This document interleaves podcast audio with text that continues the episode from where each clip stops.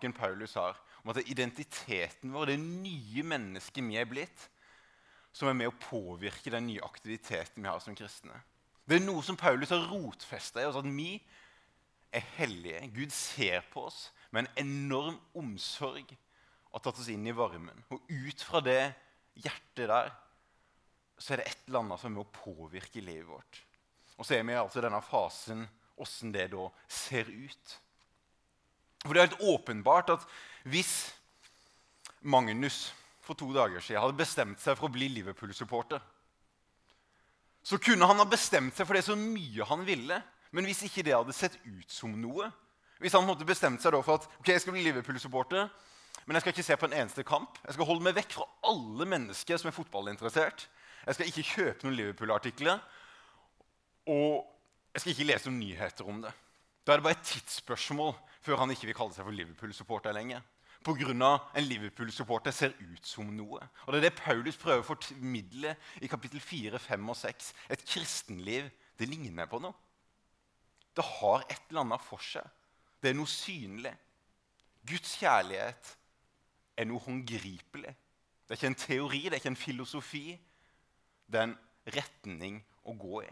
Og Før vi skal gå inn i den teksten som er for i dag, så vil jeg bare løfte opp noen bilder. For jeg er litt sånn visuell type som ofte tenker visuelt når jeg leser noe. Så når jeg leser denne teksten, så, så fikk jeg opp noen bilder i hodet mitt. og Det første er det her med en bikkje. Hvis du skal dra et kjøttbein ut av munnen på en bikkje, spesielt hvis den bikkja er litt stor og litt uforutsigbar, litt sterk og ikke helt sånn veltrent, kanskje litt sånn som oss, litt sterk vilje og litt uforutsigbare, så kan det være at vi glefser litt hvis noen skal dra fra oss det vi egentlig har lyst på.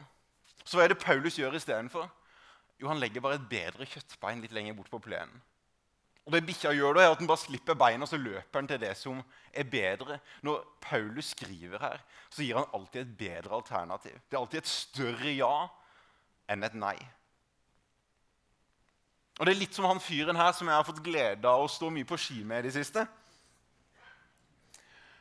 Det her syns jeg er litt artig. da. Og For å passe på den fyren der, så har jeg plassert på han en hjelm. Akkurat som når du skal plassere på en unge en hjelm eller en vest, så føles det litt klumpete. Det føles litt ubehagelig. Når jeg plasserte den hjelmen på hodet til Josfa, så tror jeg den veier ca. halvparten av hodet hans. Så, så, man blir jo litt sånn. Det føles litt rart. Også, men nå er det en selvfølge at den hjelmen skal på. Og noen av de tinga som feserne viser oss her, det er litt det samme. Hva er det som er tanken bak? Er det for at han skal føle seg mer klumpete i bakken? Eller er det en kjærlig pappa som ønsker å passe på det viktigste som jeg kan tenke jeg kan passe på hos han akkurat nå? Det er kjærligheten som ligger bak. Når vi føler det litt klumpete og skal ta inn over oss noe nytt, så nei, slutt med det og begynn med det her. Se det på når Gud elsker oss. Så dette er bare sånn tanke vi må ha i bakhodet før vi går inn i teksten her. Eller som eh, Javier Sotomayer som har verdensrekorden i høyde, på 2,45. Noen ganger når jeg leser Bibelen, så kan jeg føle litt som å hoppe etter han. At jeg skal bort her og ta et høydehopp, og så er lista bare altfor høy. Åssen kan jeg klare å komme opp til den standarden som Bibelen setter?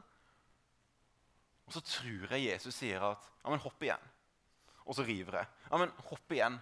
Og så river jeg. Handler det om å trene mer spesifikk styrke? Gjøre mer for å klare det målet? Nei. For min del er det umulig. Og Så kommer Jesus med et eksempel til disiplene når de spør ja, men hvordan kan, kan vi som er rike, da, komme inn i ditt rike. Ja, det er som en kamel skal gå gjennom et nåløye. Hvorfor gir han det bildet? Jo, for Han sier etterpå at for mennesker er det umulig, men for Gud så er det mulig. Så hva skjer når vi skal fortsette å hoppe? Jo, jeg tror etter hvert så lærer Bibelen oss her at det kommer en hånd under ryggen vår og løfter oss. Det som kalles nåde, som istandsetter oss til dette livet. Så fortsett å hoppe. Det er noen ting i livet som vi må bare fortsette å prøve på. Jeg syns det er vanskelig å tilgi. Fortsett å tilgi. Fortsett å tilgi. Og det som skjer når vi skal fortsette med noe som ikke klarer, hva skjer da? Vi må ydmyke oss. Så kommer vi til det punktet når vi skal prøve for, for tiende gang å hoppe over den lista. Ja, men Gud, jeg klarer det ikke. Og hva skjer da? Jo, vi ydmyker hjertet vårt, så innser vi at uten Gud så er det umulig. Men med Gud så får vi nåde. Og det siste bildet er en tilklussa kalender. Vi må beregne at Efesene 4, 5 og 6 er med å klusse med livet vårt litt. Er med å klusse med kalenderen vår pga. kristenlivet ser ut som noe. Og Jeg skal få hjelp av noen konfirmanter som har spilt inn denne teksten vi skal ha, men i bakhodet vil jeg at de bildene skal ligge og surre litt. For jeg tror de vil hjelpe oss. Så av hjelp av noen konfirmanter kan vi høre teksten for i dag.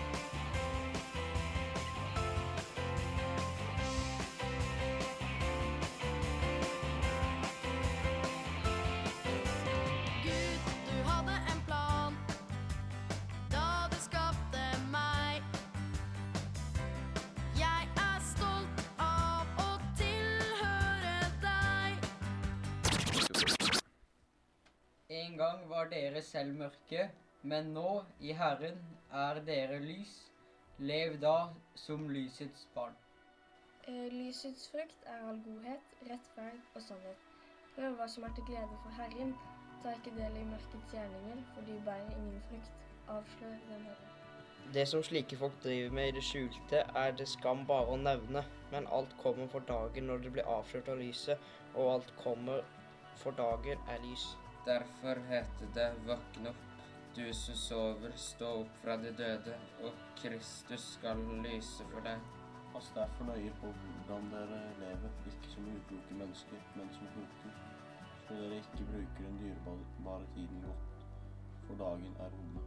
Vær ikke uforstandig, men forstå hva som er Herrens vilje. Drikk dere ikke fulle på vin. Det fører til utskeielser.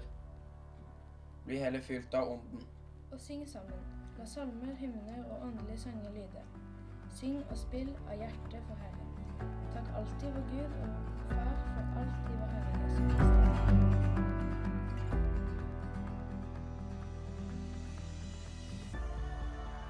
Så skal han angripe en sånn tekst. da.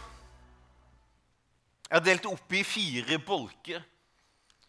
Som ikke bare er den teksten her, men som er litt oppsummering av For har dere vært med Efeserne? Og så bare sånn, ja, men Prata dere ikke om det her for to uker siden, og for tre uker siden og for fire uker siden? Det gamle og det nye mennesket? Jo, det er pga. at Paulus gjentar seg sjøl her. Fra kapittel 4 og nå til kapittel 5 neste uke så begynner det liksom på familiedelen. så det er litt annerledes. Men det er det samme budskapet. Fra 1 til 3 så er det bare evangeliet hva Gud har gjort med oss. Og Nå prater Paulus gang på gang med bare forskjellige ord. Og det her ser ut som noe. Det ser ikke sånn ut, men det ser sånn ut. Det er et gammelt og et nytt menneske som lever da som lysets barn. Så først jeg skal prate om at Det er først noe vi må se. Så det er noe vi kan begynne å smake på. Og så er det noe vi må begynne å velge. Og så kan vi drive og gjenta det. Og det aller første sentrale i kristen tro, der eh, bibelboka vår begynner med å fortelle at det var to mennesker. Og de så Gud. De var sammen med Gud, hadde fellesskap med Gud. Og så er det en slange som lurer dem til å si at hvis dere spiser av det treet her, så skal dere få se hva som er rett, og hva som er galt. Og så, og så gjør de det. Og så får de se. Men de, slutt, de, slutter å kunne se Gud sånn som han er. Men de ser synden i sitt eget liv. Og det som skjedde på det treet i Edens hage, det ble erstatta med noe på et tre på Golgata som var dødens tre. Men på det treet så ga Gud mulighet for at vi kunne bli seende igjen. Og Fortsatt så ser vi bare stykkevis og delt. For en dag skal vi se Gud sånn som han er. Så det begynner med at vi mister synet på Gud. Så åpner Jesus en dør for at vi kan begynne å se han igjen. Og en dag skal vi se han fullt ut. Men hva er det med det her med å se? Jo, det er noe som begynner inni oss. Det er Gud som hjelper oss til å se. Det er Guds godhet som driver oss til omvendelse. Så det er ikke noe vi kan være stolte av sjøl. Sangen her forteller det bra.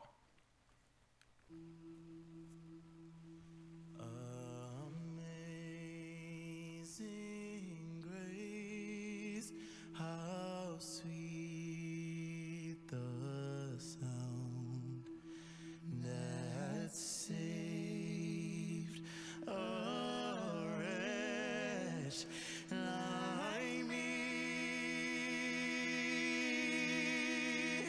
and I was lost.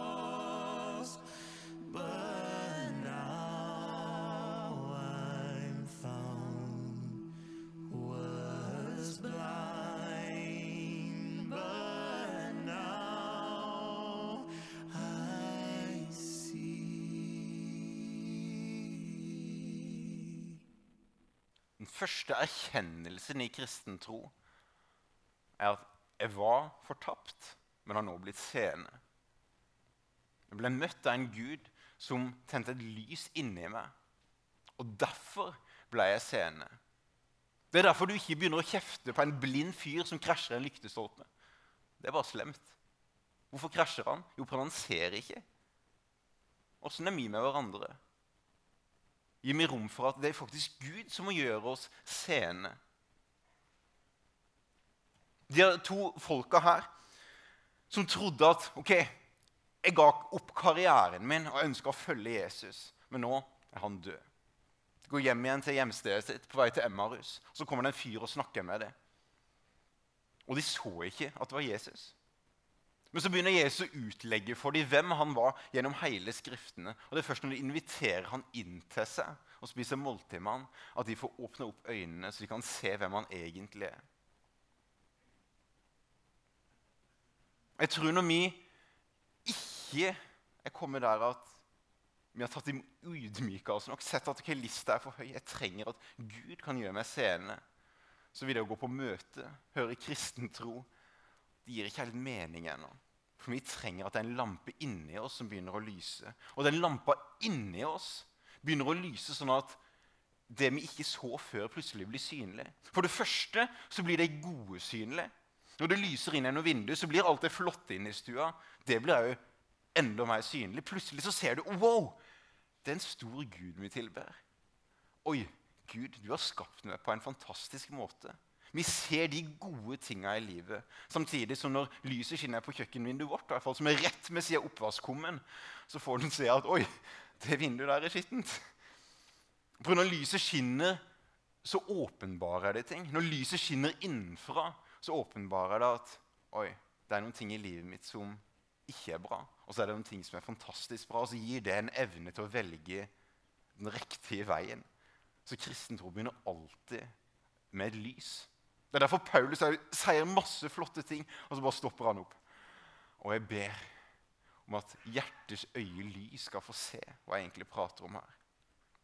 Vi begynner med å se, og så fortsetter det med å smake. Hvis jeg hadde introdusert mine unger for appelsin og introdusert det som at det skal spises med skallet på Jeg tror ikke de hadde likt appelsin.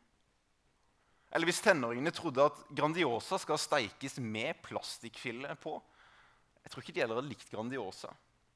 Men i utgangspunktet så er jo det her gode ting. sant? Og jeg tror mange av oss har blitt introdusert for kristen tro, men, men jeg likte jo ikke den kristne personen som jeg kjenner. Eller jeg er ikke tilfreds med søndagsmøte. Det passer ikke med. Og så kan det være at du har fått en innpakning du ikke liker. Men jeg tror alle har lyst på en pappa som Jesus. Det var ikke alltid vi liker innpakninga på det. Og det vi da må gjøre er at vi, må, vi kan ikke bare se, men vi må smake og se. Og vi må smake på det som er ekte. Og hva skjedde med de første kristne? som hadde fått dette lyset inni seg? Jo, Det står at de holdt urokkelig fast ved apostlenes lære, som vi altså kaller Bibelen.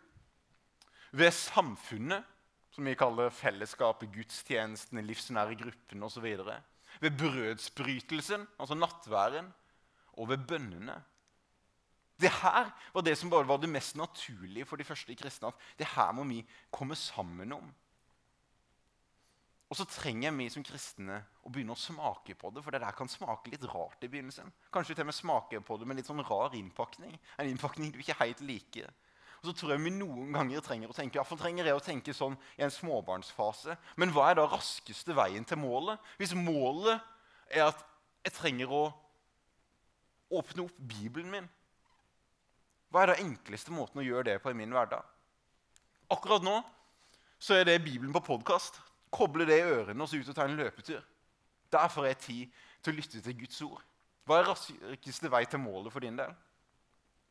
Hva er den beste måten du i din hverdag kan begynne å smake på den vanen at Guds ord får lov til å fylle deg? Eller hva med fellesskapet? Vi har en intro på gudstjenesten som ser sånn ut.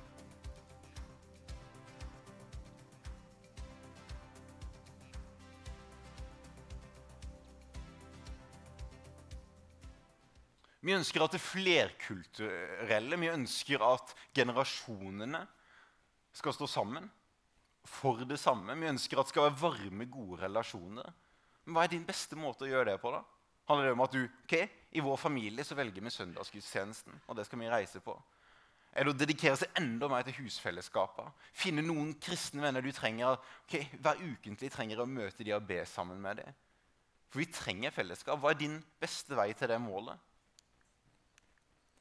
Eller hva med nattvær? La oss høre en forklaring for konfirmantene på hva det er for noe. Jeg er spent, Har dere funnet noe eh, teori?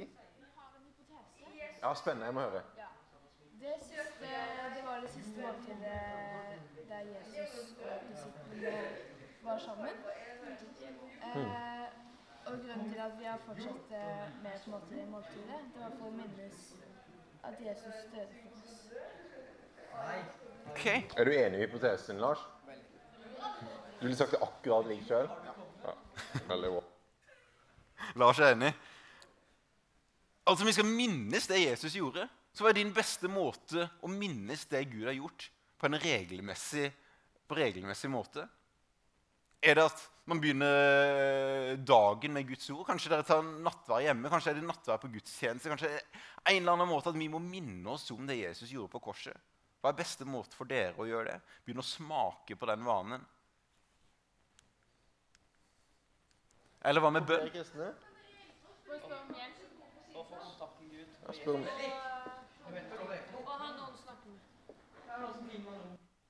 det er altså noen grunner til å be, men Hva er din beste måte for det her til å bli en praksis som du kan begynne å smake på? For kanskje teste ut noen forskjellige måter å gjøre det på. Jeg likte ikke den innpakningen, jeg likte ikke den innpakningen.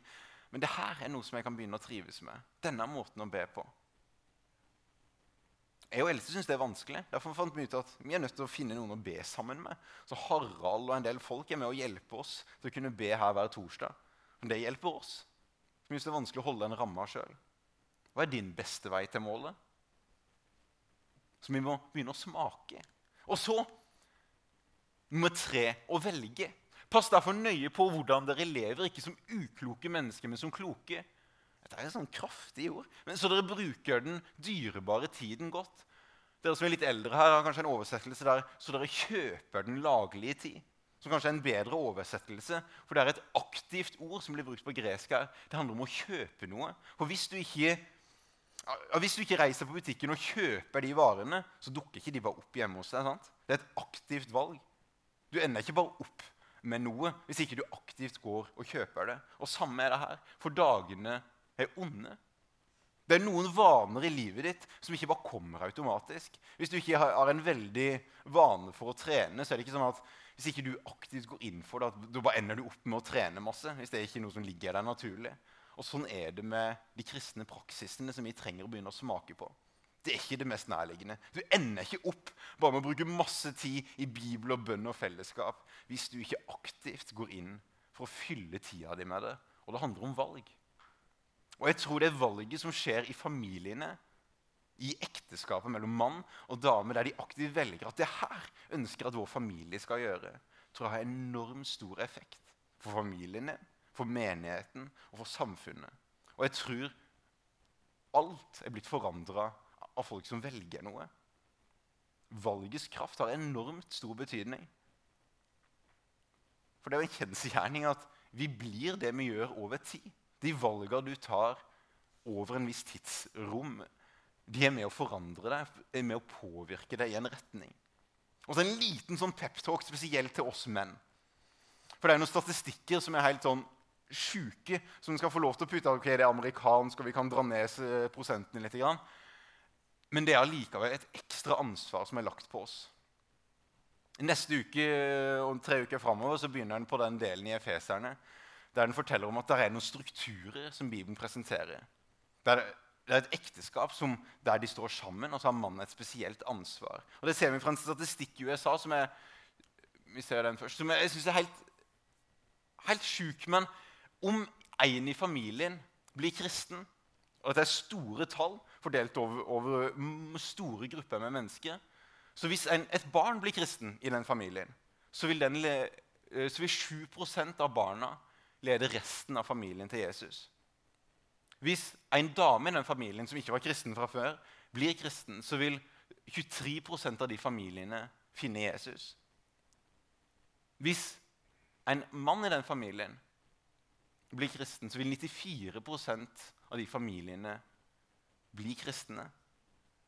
Og man kan godt si at okay, det er amerikansk, vi tar det ikke inn over Norge. Vi, vi syns dette er for generelt.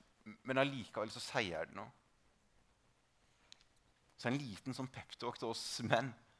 Er, vi må ikke åndeliggjøre ting. Det handler om valg. Velger vi at, I vår familie så velger vi å gå på søndagsmøte. Sånn er det bare. Så tror jeg både kone og barn vil gagne på det. Ok, I vår familie så velger vi at en uke hver sommer så reiser vi på en eller annen form for bibelcamping.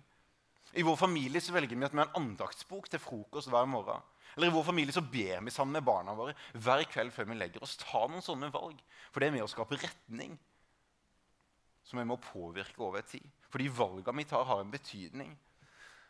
Og den teksten vi akkurat leste, er mest sannsynlig en henvisning fra Paulus til den lignelsen Jesus sier om at det var ti brudepiker Fem av dem var kloke. De kjøpte den dyrebare tiden. Og fem av dem var uforstandige. Noen av dem hadde fylte på med olje på lampa. De skjønte at det valget de nå tar, det har betydning for evigheten. Og noen skjønte ikke viktigheten i at de valgene du tar over tid, har evige konsekvenser. Og Så kom brudgommen på et tidspunkt de ikke forventa det. Og så var det fem av de som var klar, og så var det fem av de som ikke var klar. De valgene du tar, har evige ringvirkninger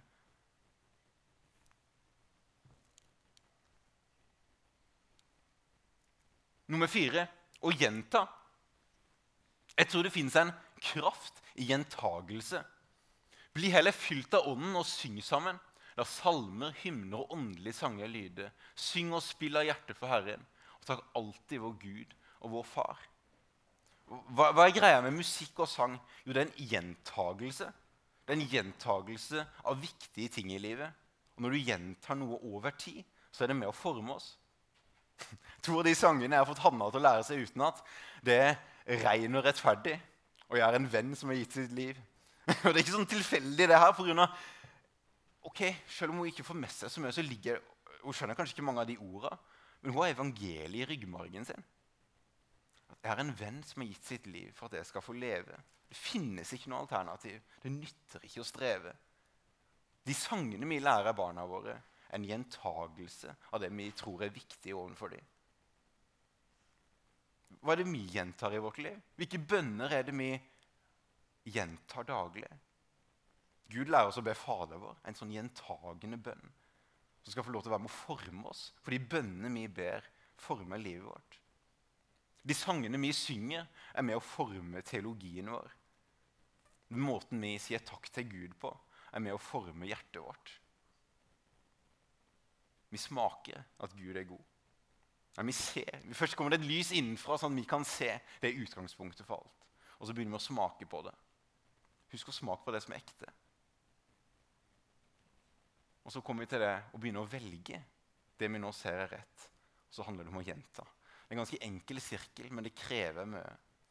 Og det må begynne med at Gud setter lys på noe. Og det føles kanskje som han Javier Sotomayer at lista er bare altfor høy. Men det er der vi finner nåde, når vi skjønner at jeg klarer det ikke. Jeg er nødt til å bøye mine knær om morgenen for at Gud skal gi meg den kraften jeg trenger for å leve det. Det er ikke noe annet plass kristenlivet begynner enn i ydmykhet. Gud står de stolte imot, men de ydmyke gir han nåde. Han har lagt et bedre kjøttbein foran oss. Så om du må gi slipp på noe av det du trodde var godt, så er det noe bedre i vente. Han har gitt deg en hjelm. Det føles litt klumpete. Det er kanskje en vest der òg. Men, men, etter hvert så er det helt naturlig å ta på seg den beskyttelsen, for du kjenner at dette er godt meint. Og så vil de klusse med kalenderen din. For kristenliv ser ut som noe. Så Hvis vi skal ha et spørsmål på slutten, så kan du få lov til å ta med deg det her med at lovsangsteamet kan komme opp. Hva er det Gud har minnet du på i dag? For det å prate om det her fra en scene det kan komme veldig feil ut. Mine historier er annerledes enn dine historier. Og vi trenger at Den hellige ånd er den som minner oss på åssen ser det her ut i mitt liv. Men hvilke konsekvenser kan det få for uka di? Åssen kan vi være praktiske med det her? Den første sangen være en sånn sang der den spør ok Gud, vis meg. Kanskje du for første gang må si Gud, det der lyset har jeg lyst på. Kan du komme inn i hjertet mitt, Jesus? Kanskje for din del så er det å begynne å smake på noen vaner igjen. Kanskje handler det om å ta noen konkrete valg. Kanskje handler det bare om at åh, jeg må huske å stå i det, jeg må gjenta det. Og for å gjenta det så trenger vi alltid gå tilbake til utgangspunktet og se Gud på nytt. Det er ikke sånn at det holder å få lyset inn vinduet en gang i året. Vi trenger det ofte.